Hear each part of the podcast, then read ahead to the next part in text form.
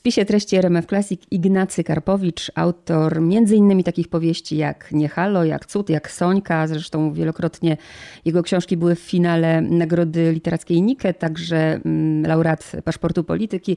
Przywitam się, dzień dobry. Dzień dobry. 14 kwietnia nakładem wydawnictwa literackiego ukaże się nowa najnowsza, jeżeli dobrze liczę, dziewiąta y, powieść, Cicho, Cichutko. Tutaj teraz taki trochę wstęp, bo Pan w moim życiu, może nie tyle Pan, co Pana proza, jest obecny od początku, od 2006 roku. I przyzwyczajona do Pana prozy i do tego, że w niej się jakby dużo dzieje i trudno powiedzieć, bo jak ja czytam książki i często ktoś mnie pyta, ale o czym to jest, to z Ignacym Karpowiczem miałabym problem, żeby powiedzieć o czym to jest, bo zawsze tam było bardzo dużo. Tak jak mówiąc to żartobliwie, lubiłam pana we fragmentach. Jeżeli chodzi o cicho, cichutko, to mam wrażenie, że to wszystko jest takie ładne, ładnie się składa i mamy historię. I o ile pan często mówi, że punktem zapalnym w pana historiach jest, no jest ktoś, kto istnieje, to tutaj wyraźnie ta dedykacja, prawda, że jest to pamięci Michała Tomaszewskiego, zwanego zresztą Miśkiem, który faktycznie pracował w wydawnictwie Nowa Era.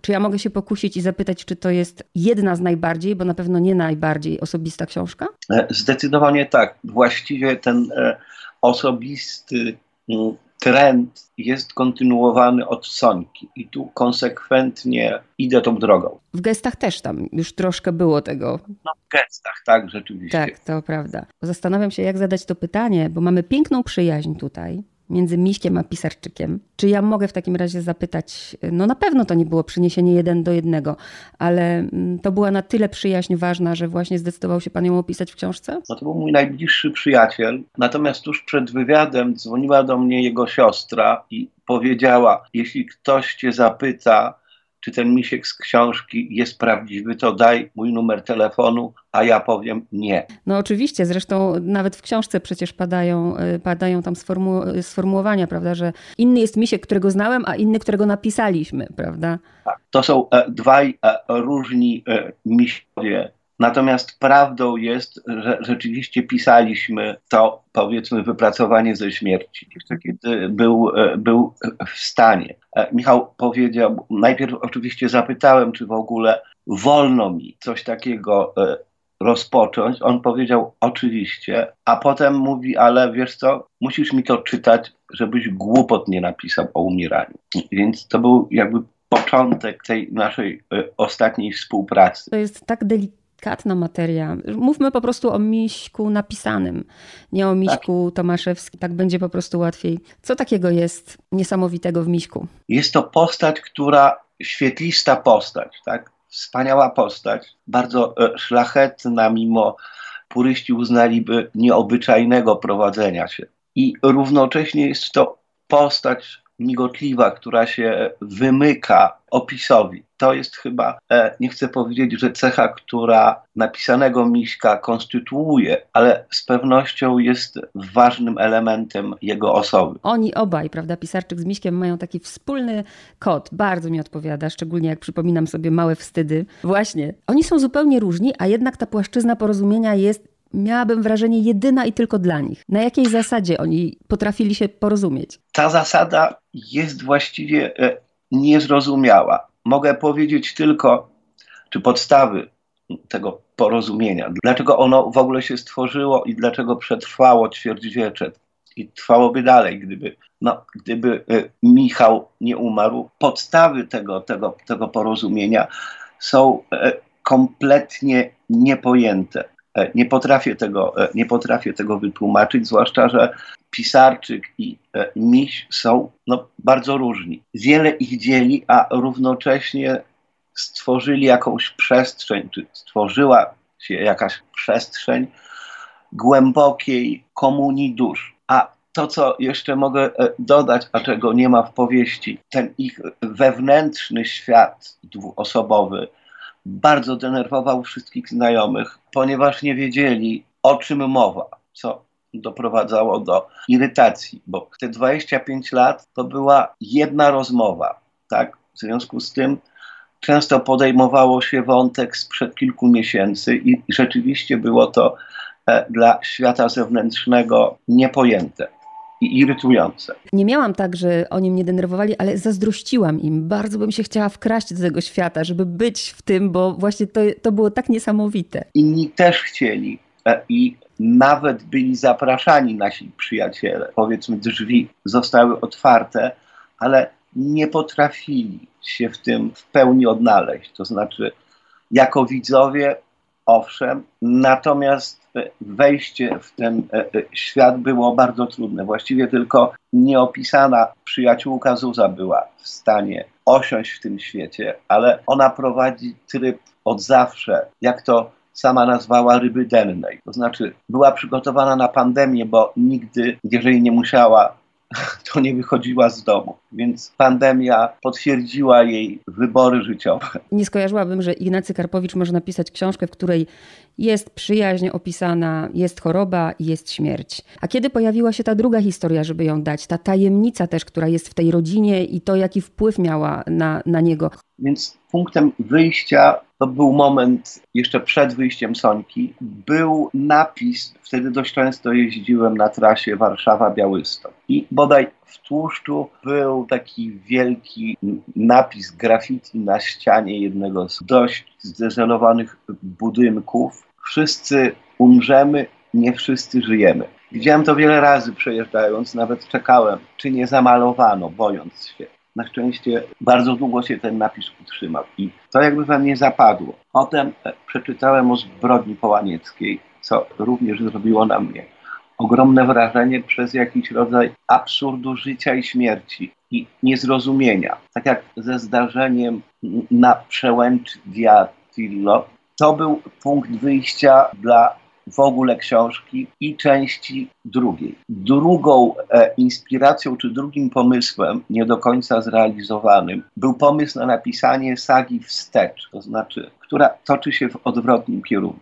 Więc mając ten element, powiedzmy, historyczny, szukałem początku współczesnej części i no, wtedy tak się zdarzyło, że e, właśnie mój przyjaciel zachorował. I potem oczywiście nie wiedziałem, czy te to było ryzyko, tak? Nie wiedziałem, czy te historie się połączą, ale wydaje się po pierwszych lekturach i opiniach, które do mnie docierają, że ten proces się powiódł. Jak najbardziej się powiódł. Nawet miałam takie, znaczy do, do tego dojdę, ale nawet nie nazwę tego klamrą kompozycyjną, bo ja nazwę to kołem e, i od razu nawiązuję też do okładki, którą mam, bo ja mam jeszcze ten egzemplarz przed, e, egzemplarz promocyjny. Bardzo mnie ciekawi, bo pan współpracował przy okładkach z Przemkiem? Nie pamiętam.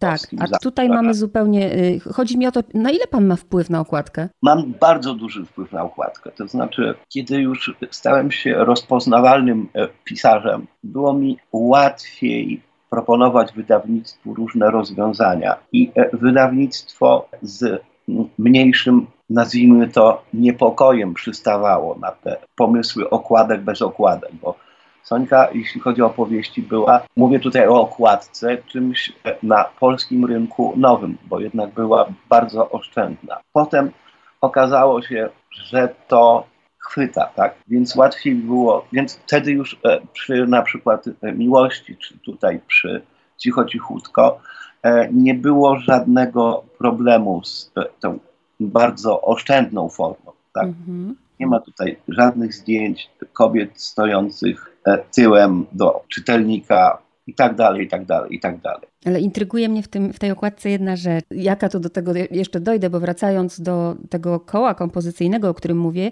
jeszcze chcę zapytać o tytuł. Przez chwilę nawet myślałam, dlaczego ten tytuł nie jest, nie brzmi tak jak te wyboldowane, prawda, e, części, czyli jeszcze nie koniec bo to idealnie by pasowało do tej książki. Zastanawiałam się, dlaczego cicho, cichutko, na ile tu była inspiracją.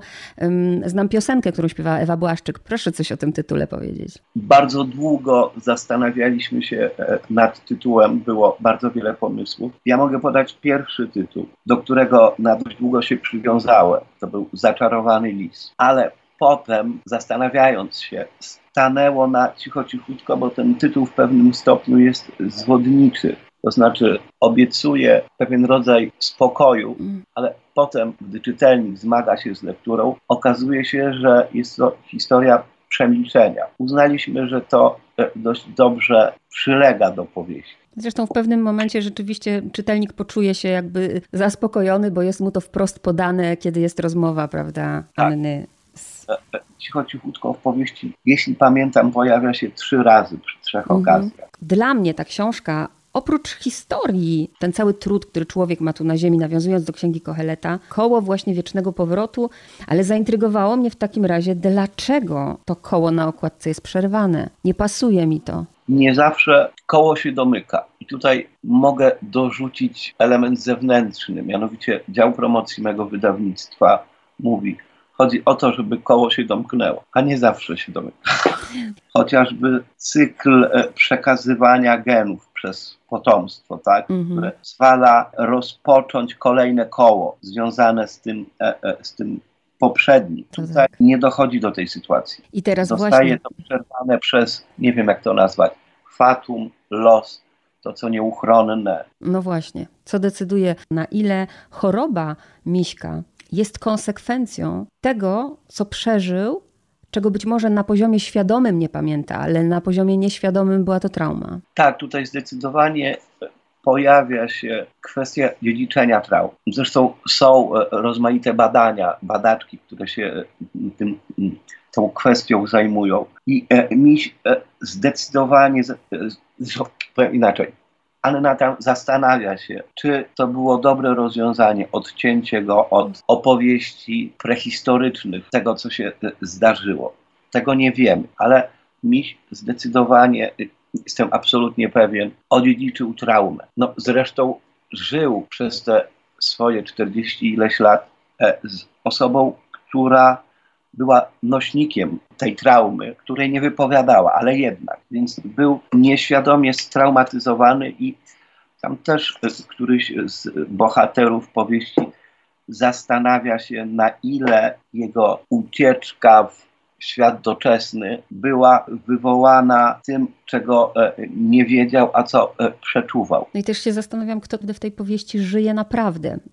Wracając teraz do tego napisu, który pan spotykał jadąc. Tutaj jest też kwestia dość e, istotna, a mianowicie kto tak naprawdę jest narratorem czy opowiadaczem. To znaczy narrator jest jeden, to jest pisarz. Pisarczyk, tak. Ale kto jest opowiadaczem, bo Miś tam wchodzi oraz mhm, Anna. Tak. Y, mamy trzy, powiedzmy, źródła tekstu, a do tego jest jeszcze e, jakiś e, e, rodzaj nadświadomego nar opowiadacza, narratora, czyli coś większego od tej trójki opowiadającej. Czy dla Pana ta książka, mówię, ja przez swoją perspektywę to odbieram, czuje nadzieję, a Pan? No właśnie, zależało, wie pani, zależało mi na tym, żeby e, nie stworzyć tego, co robimy, żeby nie powstała taka sytuacja, która, którą często znamy e, z życia, a mianowicie, że nasz zmarły nagle